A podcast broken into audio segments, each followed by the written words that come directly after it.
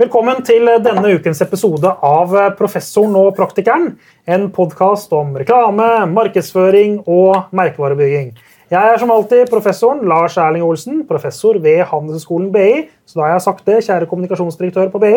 Og ved min side er praktikeren Alf Bendiksen, mangeårig bransjeveteran og rikssynser innenfor reklame. Vi skal bare ha en fokusgruppe, vi hender det at noen sier til sin byråkontakt i et markedsundersøkelsesbyrå. Og Noen ganger så er jo det helt riktig. Kvalitativ metode kan selvfølgelig være svaret, men kvalitativ metode kan også være så veldig mye mer enn fokusgrupper. I dag så skal vi nøle litt i episoden om markedsundersøkelser. Og vi skal snakke om kvalitativ metode i deres ulike former. Men vi skal også prøve å løfte blikket litt og snakke om hvordan markedsundersøkelser kan skape innsikt og derigjennom bedre Eh, beslutninger i markedsføring og reklame og kommunikasjon. Og Med oss i dag for å hjelpe oss med dette er daglig leder i innsikt- og strategibyrået Brandity, Ina Stølen. Velkommen til oss. Tusen takk. Og Ina, ja? når er egentlig det riktige svaret to fokusgrupper? Vel, det er kanskje når det er ikke budsjett på tre eller fire. Og vel der, ja. Nei, det er enten at noen har en veldig spisset eh, målgruppe med et veldig spisset problem som skal diskuteres. Ja, altså, Ikke så glad i to fokusgrupper, da. Men eh, har du 100 kunder totalt sett, er jo to fokusgrupper veldig mye. Mm. Så det er litt sånn avhengig av det.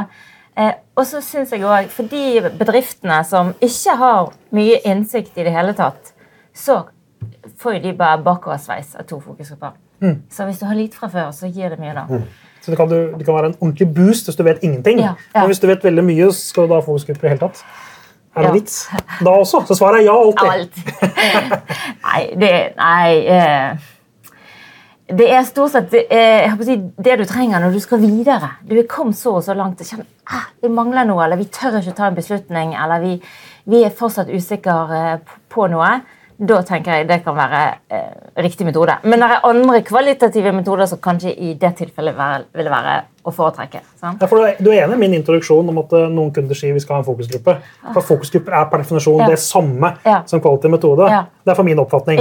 Men det stemmer ikke. Nei. Nei.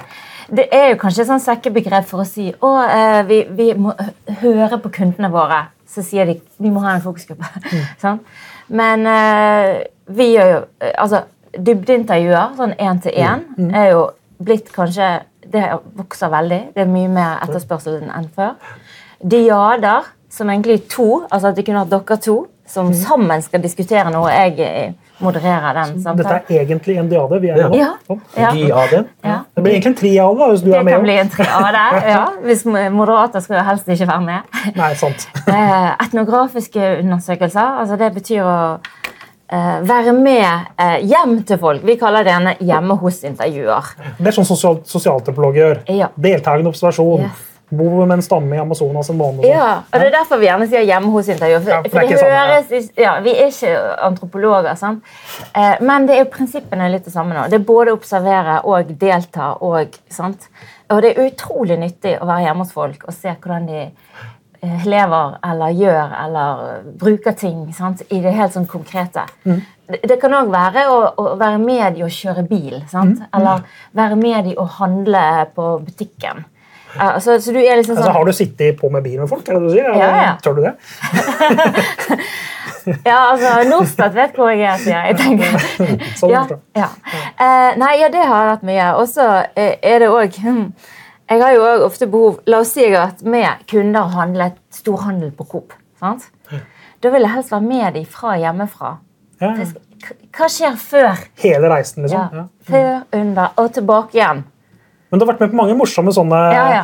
etnografistudier. Da. Har du noen eksempler eller noen morsomme historier om det? Har du, liksom, har, du, har, du, opplevd noe litt crazy? Uh, altså En gang så stoppet jeg utenfor uh, huset og tenkte her går jeg ikke inn. Ringte og sa jeg beklager, jeg må avlyse det. Det der var for dodgy.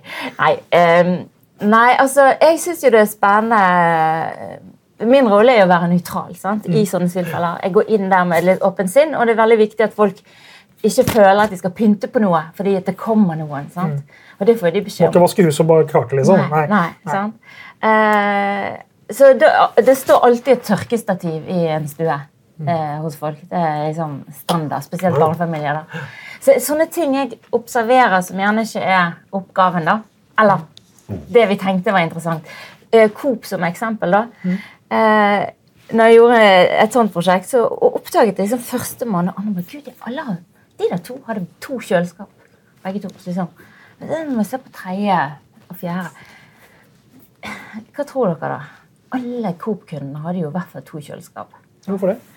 Nei, det tror jeg begynner å bli spennende. sant? Mm. Og så må du gjerne spørre liksom, ja, hva bruker du det altså, Har de forskjellige roller, disse kjøleskapene? sant? Ja, sånn, ja. Og så sånn, har du to kjøleskap? Ja, hva Har du fryser òg, da? Ja da. Ja. Men gjerne sånn lokk. sant? Var dette nærheten av svenskegrensa? Bare for Nei. å sjekke? Nei, det kunne sikkert vært det. Og, eh, sant? og det går jo på en måte Du får denne ekstra innsikten i noe du ikke egentlig visste var der, og hva kan det bety? Så jeg leter etter hva kan dette bety for for f.eks. Coop, da, at eh, kundene eh, liker å stock up. sant? Fylle skap og Ja. huller. Men det gjøres, handler man på Coop Ops, hvis det var det, Ja. så gjør man stor handel. gjør man ikke det? Det er vel litt av poenget. Ja, Det er jo litt av poenget. Men så er det jo spørsmålet Hvorfor, er det så, hvorfor føles det så godt? Sant? Det, det er liksom min jobb å forstå. Hvorfor er det, hvorfor er det noen som eh, sant? De er fulle, de skapene. Ja. Det er ikke sånn, det er ingen nød her, altså. Så det er da å forstå den driveren i den type kunde som liker å storhandle. Og, sant? og hva betyr det for Coop? Hva- Hvor viktig er tre for to, eksempel? Eller eh, skal vi selge kjøleskap på Coop? Altså, sånn. hvor, hvor går diskusjonen videre, da? Eh, så det er typisk sånn Verdien av å observere i tillegg til å intervjue. Så det er liksom ting som du, ja, som du ser som du visste du skulle spørre om. Ja, ja. Men hvordan er det i tidligere, i hvert fall, jeg vet ikke hvordan det er nå, men tidligere så var det ofte en sånn diskusjon. Skal vi gjøre det kvalitativt? Skal vi gjøre det kvantitativt? Ja. Kvantitativt var litt sånn harde, litt mer facts, litt mer troverdig kanskje. Kvalitativt var subjektivt og tolkning. Eh, Sånn er jeg det litt- fortsatt. Nei, ja, men er det sånn fortsatt? Eller, jeg sitter litt på spissen med vilje, men det er egentlig bare for å høre litt. Hvordan, er det, hvordan syns du det har utviklet seg? Du har holdt på noen år. Um, altså, jeg syns jo at uh, vi trenger begge deler. sant? Eh, jeg jobb- jobber gjerne mest med det kvalitative, så det er på en måte mitt territorium. Men um, noen kjenner altså Noen bedrifter er jo litt sånn risikoaverse. sant? Og da vil de gjerne ha disse tallene. Og kan, kan, du, kan du gi meg trygghet? Sånn, Lete etter trygghet, trygghet i tall som på en måte kan dokumentere noe i det kvantitative. da, sant? Men når du har fått de tallene, så stort sett alltid så sitter man igjen med nei, ja, hva gjør vi nå, da? Ja. Det, er, det gir ikke god nok beslutningstrygghet å se på tall. Og folk glemmer tallene litt. og Det, det var noen grafer, det var noen prosenter. Og, og ofte når du hører folk gjenfortelle sine egne la oss si, kjennskapsmålinger, du hører at de sier feil. Ja, vi har, ja, vi har uhjulpen kjennskap på 70 Jeg, Nei, det har du ikke. Altså, det Det er ikke riktig, det. Nei. ja, sant? så, men det er nå så. Eh, mens det kvalitative eh, er jo når folk trenger mot. Mot til å ta beslutninger. Og mer og mer så er jeg bedrifter beslutningsorganisasjoner. Vi er ikke fabrikker lenger. sant? Det er folk som må ta beslutninger hele tiden på prosjekter, på retning, på eh, valg man står i. da. Men det er litt det du snakker om nå, egentlig forskjellen på data og innsikt. altså bare for å trekke linjen Ja. at ok, data, Du har data, det er greit, men, men det betyr ikke at du har skjønt du kan bruke til noe. Nei. Mens en kvalitativ undersøkelse ofte går dypere, Ja. mer tolkning, mer Ja. forståelse, motiver bak. Liksom, Det er jeg skal ikke legge ordene i munnen Nei, på deg. bare, ja, ja. Er det det du tenker? Liksom, Ja. Og så er det jo også sånn eh, Jobben til den som utfører de kvalitative undersøkelsene, er jo den tolkningen av det som blir sagt, og det du ser. og sant?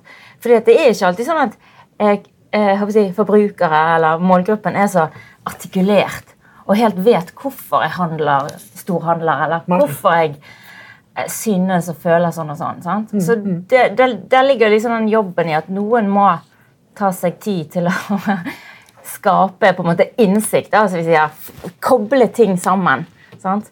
Hva er det med det der kjøleskap og storhandel, og, og de har ofte stor bil òg. Altså, sånn, helheten, da. for Et å mønster si der, liksom. Ja. Mm. Men, men, men nå snakker vi bare analysen, men Hva er prosjektet, hvis du kan være konkret om det? da? Hva er det du skal prøve å finne ut når du gjør sånn type analyse? Uh, uh, ja, det er veldig forskjellig. Altså, på den ene siden så kan du si ok, Det er jo tre ting det ofte spørres om. Det er liksom merkevaren vår. Hva er det vi er kjent for? Hva, hva liker folk? Hvorfor er ikke vi så kule i år som vi var i fjor? og de der nyansene der. Så er det mye handler om å Mange ønsker å bli bedre kjent eller forstå kundene sine. Forbrukerferd, rett og slett? Eller ja. Innsikt. ja. Mm. Og så er det selvfølgelig sånne ting som testing av la oss si, eh, skisser til reklamefilm. eller sånne ting, sant? Så går mer sånn konkret på kan vi få en diskusjon rundt en prototyp eller noe som vi holder på med. sant? Mm. Eh, produkter. Eh, jeg hørte på podkasten deres om Lerum. sant? Er det, er det frukt som er viktig, eller er det sukkerfri som er viktig? Altså disse Svaret er frukt. Hierarkiet. Ja. Ronny sa det var frukt. Ja, så, så sånn hierarkijobbing, da, er det liksom eh, For ofte vil de da si alt på en gang. Mange har jo veldig vanskelig for å tørre å si vi skal ha ett budskap fremst, og så kan de det andre sukkerfri og da, da, da, det kommer lenger bak. sant? Og det gjelder jo alle produkter. Men ofte så begynner det med at vi vet ikke hvordan vi skal kommunisere til kundene. Handler ofte om å mangle et verdiforslag eller ikke ha et godt konsept. Eller ikke tørre å spisse på en måte budskapene sine. da. Synes jeg. Men eh, vi er jo blitt en, eh, I markedsføring også, som alt annet, så har vi blitt en digitalisert verden. Eh, Ja. Hvordan liksom, står quality som metode seg da? Altså, nå har vi jo data på alt, vi kan se på klikkmønstre. Eh, Masse herlige kvantitative big data, da, for å Ja. bruke det ordet. Ja. Hva skal vi med, liksom, Er vi ikke ferdig nå med, Skal vi med? Ja, hva skal vi med, liksom, skal vi snakke med åtte stykker i en fokusgruppe? Liksom? Ja. Hvorfor skal vi det? Vi, har jo, vi ser jo hva folk gjør. Ja, men du ser bare de som klikket. sant? Ja, men det er mange, det. Ja. Og det kan gi deg de mønstrene du trenger å liksom se stående. Men du, du vet liksom ikke hvorfor, hvorfor klikket de da. Du vet ikke nok om hvorfor, eller hva med de som ikke klikker. Men jeg kan se på hvilken side du var på før. Ja. De klikker, altså, du kan Ja. trekke noe ut av det. kan Ja. man ikke det? Men hvor skal de klikke i fremtiden? Nei, det er en sak. Det vet vi jo ikke. sant? Vi, fordi at data, altså Tallbasert data ser jo alltid tilbake. Mm.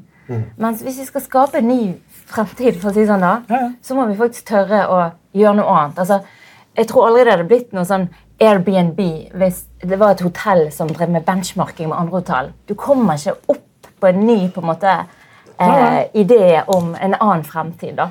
Men, men er det ikke litt problematisk også i, i ledelser? For at jeg tenker, eh, Hvis du kommer inn i ledergruppe og sier har du data på dette, ja, vi har snakka med åtte stykker i en Ja, fokusgruppe. Der fire var veldig positive og syntes det var kjempebra. Jeg er ikke sikker på om finansdirektøren hadde kjøpt det. Nei. Nei, og jeg, jeg ville jo aldri solgt én fokusgruppe. da, bare for å si det. Ja, 8, 16 noe. eller 32 sa- ja, ja, da begynner det å komme seg. Hjelper litt. Men, men altså, poenget mitt er at konkurransen Ja. Mm. konkurransen mellom hard facts, eh, kvantitative data, i sånn, litt sånn finansielle kretser, der man tar tunge beslutninger, mye penger involvert, Mm. Ja. eh, liksom, er det nok? Klarer man å få punch med kvalitative undersøkelser? Ja, altså Det som gir punch, er jo det at du Ekte folk har sagt dette. Ja. At, sant? Eh, du- får kritikk hvis ikke de liker svarene. Liker ikke at kundene mener sånn og sånn. sant? Da kan man si sånn Ja, de var nå litt få, eller Det var noen få, som var så Ja, det var en litt rar en i den gruppen. sant? Du, kan, liksom, du begynner man, Likte ikke navnet hennes, var rart navn. Ja. Ja. Mm. Og, og det, den kritikken får du sikkert også til kvantitative data. Sånn liksom, ja, 1000 stykker, er det nok? Så begynner sant? Eh, men jeg tenker jo Vi vil jo ofte at liksom, toppledelsen skal liksom eh, like det vi holder på med, eller markedsføring, eller ta det mer på alvor. Men jeg tror jo kanskje det er vel så viktig at de ned i de taktiske oppgavene i bedriften, altså markedssjefer, og produktsjefer og forretningsutviklere, og sånn, at, de, at det er de som egentlig bør mene noe om det og bruke det og si, få budsjettene til å gjøre det. da, For det er de som trenger det som et verktøy. Ja. Men eh, ja, altså sånn ledelse eh, De er jo gjerne veldig glad i sånn dybdeintervjuer. At du bare viser at du virkelig snakket med de riktige folkene. og det er litt sånn, sant? Sånn B2B spesielt. B2B dybdeintervjuer. Da, da er det stille i rommet. ja, ja. Da, det, ok, det er nesten trodd motsatt. Ja. Nei, for da har du gjerne de største, viktigste kundene som Og du har snakket med han, ja? Eller hun? Ja, du har snakket med. Oi. hun sa. Ja. Det er kanskje du legger litt Nei, mye vekt på dem, da. Ja, jeg prøver jo å anonymisere de litt. Altså. Jo, men det skjønner jeg. Å, du har snakket med hun 50 pluss uh, som bor på Askøy? Ja. Ok! Sjekk, vet hvem det er. ja, til en viss grad. Men ja. Ja, ok, Jeg skal ikke gå inn på den etiske siden rundt dette. Eh, Det er bare, ja. Ja. Nei, det er òg rolle, og det er derfor det er der å bruke en, en moderator som ikke har noe Jeg har jo ingen interesse i liksom, hva folk legger i fryseren på Coop og eh, B2B-intervjuet. Så jeg går jo inn der med samme for meg. Jeg skal bare skjønne deg, kjære respondent. Eh, Så da får du på en måte en helt annen eh, Ja, jeg vet ikke, jeg.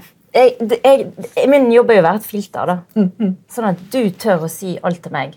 ja. Og så skal jeg gå tilbake Mange det vi kaller for sensurproblematikk. Ja. Men det er veldig interessant det du sier der, for jeg, jeg har en, eh, noen kunder innimellom som tenker kvalitativt. Ja. Og så blir jeg av og til spurt ja, men Lars, eh, trenger vi å så anbefaler gjerne et byrå eller noen. da. Ja. Så blir jeg spurt nei, men skal vi bruke penger på det. da? Kan, vi ikke bare, kan ikke vi gjøre det selv? Ja. Mhm. Hva sier du til en sånn kommentar? Eller hva, hva bør jeg svare når jeg får den? Da skal du si lykke til.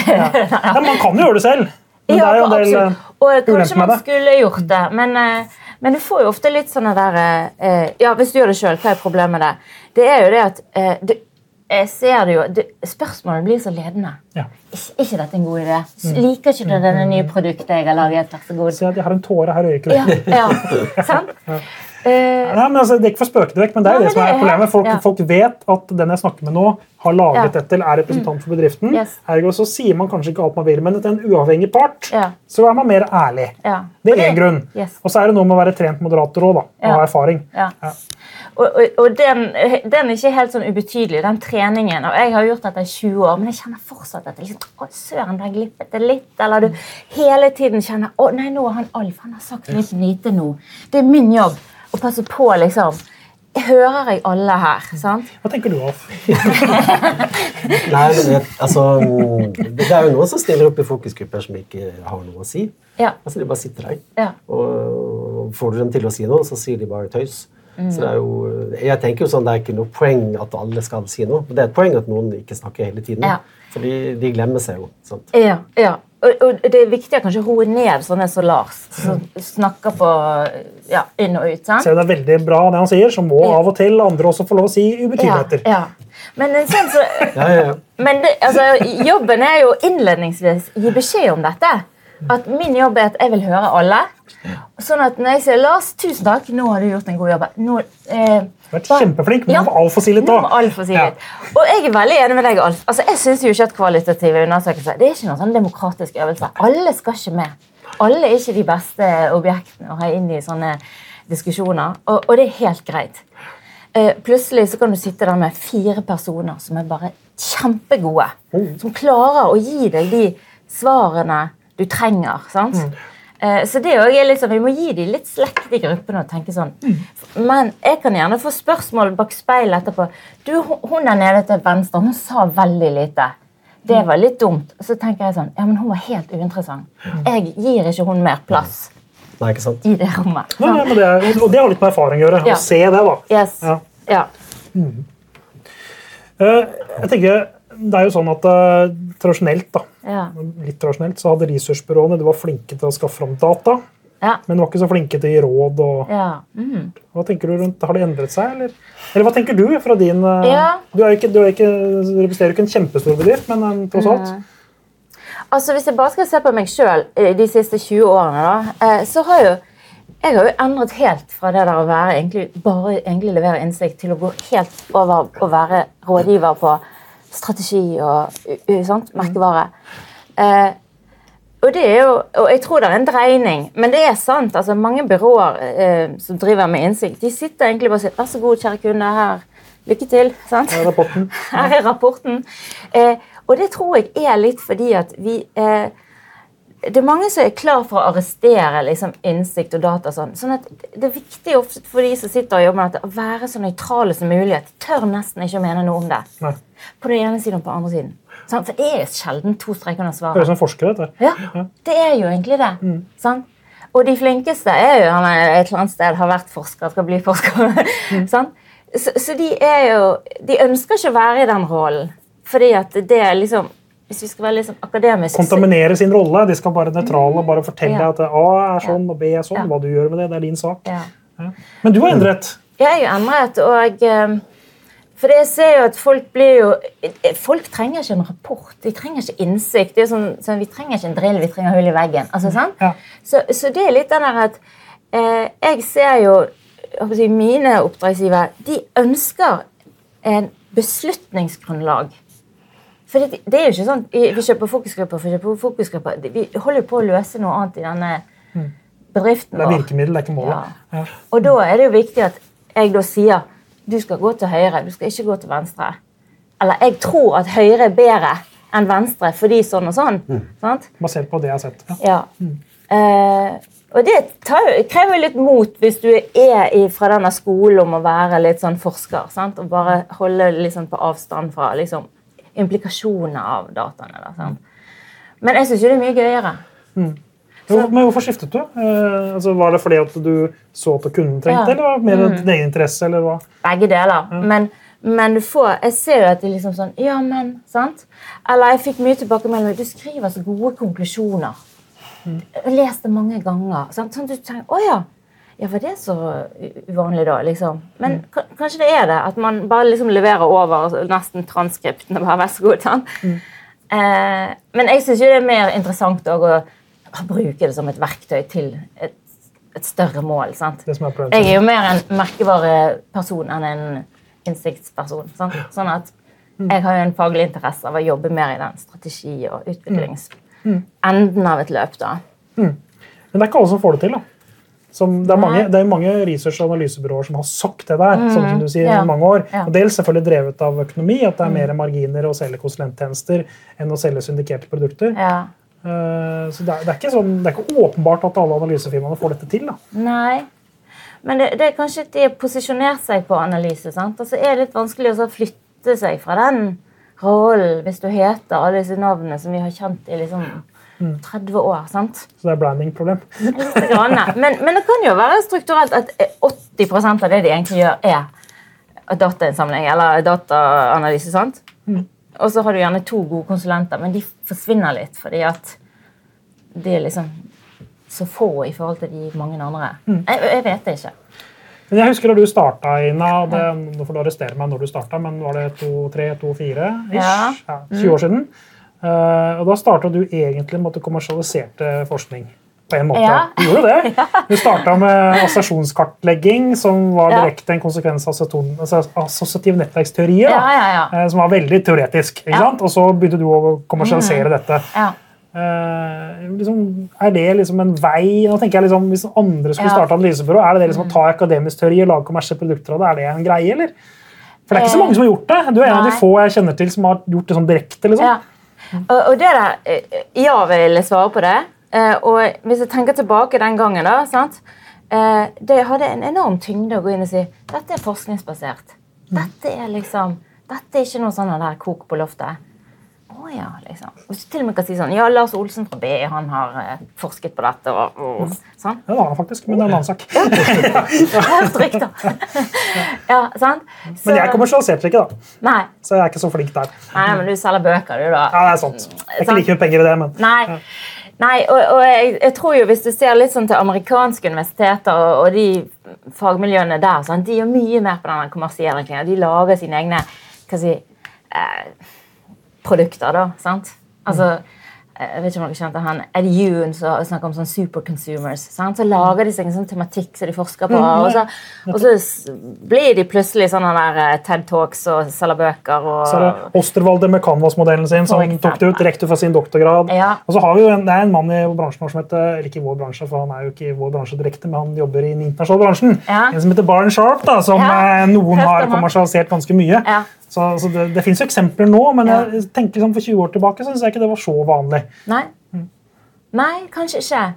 Men altså, eh, når vi snakker 20 år tilbake, da, og vi kjente hverandre den gangen eh, Da leste vi den første boken til David Aker. Det var jo liksom pensum. Han hadde skrevet 1991. én bok. 1991-boka. Ja, okay da. Sølvboka. Ja, Og så kom den der i andre i 2003. I don't know. Sølvbok. Sant? Så det var jo òg eh, altså, Faget den gangen var jo på en, på en måte en helt annet sted enn det er i dag. sant? Det var ikke 20 bøker det er mellom. Det var, det var den du skulle Det lese. en. Ja. Det en, kanskje to etter hvert. Ja, så var det Keller, og så var det Keller kom, ja, 98 var det første med Keller. Ja, ikke sant, det var de to. ikke sant? Ja, ja.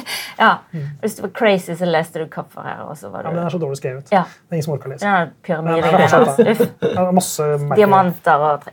For fransk. masse franske eksempler. Er Ja. ja. Men, men, men det var altså, merkevarefaget er Det var nerding, det. teoretisk sett ganske nytt. ja, Fordi, nettopp. sant? ja, fordi jeg fikk et eh, prosjekt fra det som en gang het Reklamebyråforeningen, Ja. om å lage reklamebransjens merkevareinstitutt. Det var i 1995. Det var jo early days. Ja da, Det var- det var det. Jeg tok kontakt med NHH, jeg tok kontakt med BI, jeg tok kontakt med det som het Norges markedshøgskole, Ja. og spurte hva de hadde, og det var ingen som hadde noe. Nei. Nei, det var ikke Nei, det det fag fant, da. fantes ikke. Nei. Og, første på, og dette var jo Og så var det en fra Handelshøyskolen som jeg valgte å jobbe med. da. Men vi laget det jo nå. Vi brukte jo faktisk Kappføring sin bok. Han kom til Norge og, Stemmer og ble kjent for å være så arrogant som bare han kan være. Men, men uh, Veldig fransk. jeg tror innholdet i det kurset var starten på eh, MBA, altså MBA i merkevareledelse på NHH. Ja. Ja, det vi, vi gikk jo Ja første kullet, vi, faktisk, på Det det det. studiet. Og det var i 2001.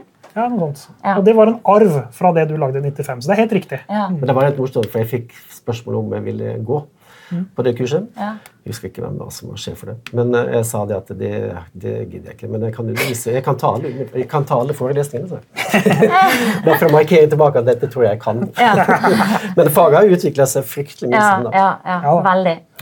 Det er helt riktig. Det. og, og det er jo litt sånn, Vi liker jo sånne trender å hoppe på i, og liksom, i faget. og liksom, Hva er det som gjelder nå? Sant? Oh, nå er det purpose, og så i fjor var det det. og så var det design thinking. altså sant? Men det er jo hele tiden, Kjernen er jo på en måte den samme. da. Det er på en måte Hvor legger vi tyngdepunktet? Dette er var din og høyere utdanning. Du får kritisk sans. Si 'dette har jeg sett før'.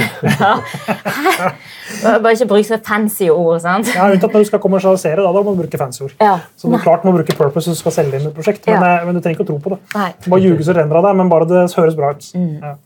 Du, eh, En ting jeg har lyst til å spørre deg om. Du er jo bergensbasert. Yes. Eh, Det var ikke noe bombe når vi hører på dialekten og sånn, men byrået ditt er bergensbasert. Ja. Men du har likevel en god del kunder i Oslo. Ja. eh, Eller i hvert fall østlandsområdet. Liksom, hvordan tenker du Hvorfor det? Ja, jeg er ikke hvorfor det, men det er mer sånn hvordan, Hva er utfordringene, mulighetene? Hva er liksom det å komme fra Bergen og så liksom selge ting på Østlandet? Mm. Hva, hva tenker du rundt det? Er det noen utfordringer med det? Ja. Det, det, altså, det kan jo være at det er en forklaringsmekanisme. eller Noe, du- Men um, jeg prøver ikke å si det. Sant? For det er sånn Å, heia! Hvordan gikk det på fly i dag? Altså, så, og Da tenker de med en gang Uff, det der er vanskelig, hun er langt unna. Sånn. I dag er jo alt på internett, og du sitter på Teams, og det spiller egentlig en rolle hvor vi sitter. Og, sånn. Men utfordringen, sånn, eh, eller forskjellen mellom i hvert fall mest, Jeg jobber mest Bergen og Oslo.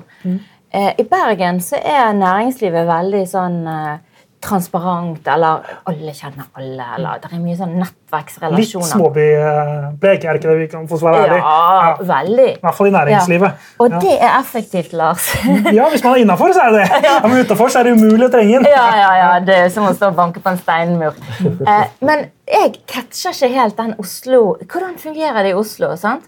Og jeg føler jo at uh, kanskje den nettverks... Eh, å si, effektene her er svakere generelt sett. Det er større by, det er flere folk, det er mye utskiftning, større bedrifter. sant? Så, så det er jo, men det er bare en tanke.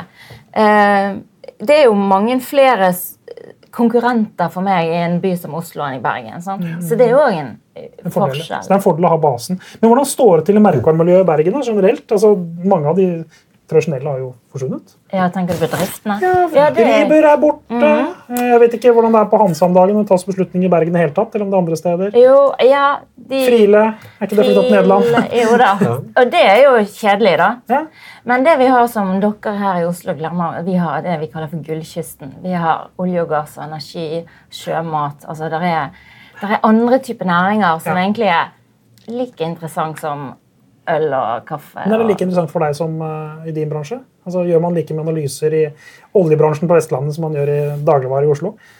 Nei, kanskje ikke. Nok for meg, da. Ja, nok for deg, ja, ja. Jeg bare spør. Ja. Eh, nei, altså hvis du går til disse som dere kjenner godt, sånn Orkla, Mills og Tine, sant? De, de gjør dette ukentlig. Sant? Dette er egentlig det de driver med. Sant? Eh, det gjør gjerne ikke eh, si, industribedrifter eller eh, på samme måten. Men, men det de trenger som eh, altså, For meg er det jo ikke sånn at det er bare gøy å jobbe med knekkebrød og kaviar. sant? Det er vel så gøy å tenke liksom Ok, hvordan skal vi selge eh, strøm til eh, bedriftskunder på en ny måte som ingen har gjort før? Da er det sånn Oi! Hæ? Liksom, da må du skjerpe deg. sant? Fordi det aner ikke hvor mange grupper og prosjekter jeg har gjort på emballasje, kommunikasjon og storyboard. og alt sånt det, sant? Men du kommer inn der og bare sånn Oi, nå skal vi gjøre noe ingen vet. Noe helt annet. Liksom, ja. Ja. Ja, det er for mer upløyd mark. Da. Kanskje Ja. morsommere å gjøre undersøkelser. Ja. faktisk. Ja, og nå er jo sånn eh, til og med litt sånn vanskelig å finne folk, da. Hvem skal du snakke med? Eh, i, du vil jo helst inn og snakke med noen i Equinor som er på innkjøp. Sånn. Hvem er de? Altså, Da kan du snakke om steinvegg. For noen av de store si, industrigigantene altså Jeg vet ikke hvor døren er engang på så- sånne steder. da er det lettere å gå inn og si ok, på Tine kan du i minste vite finne de. De heter noe, og de er, har en utadgående profil. Men mange store bedrifter som gjør det veldig bra altså De har jo knapt LinkedIn-profil. sant? Det er bare sånn, å ja, nei, bare jobber her. jeg. Ja, Det de går så det jobber griner. med andre ting. Ja, sant? Mer teknisk drevet. Ja.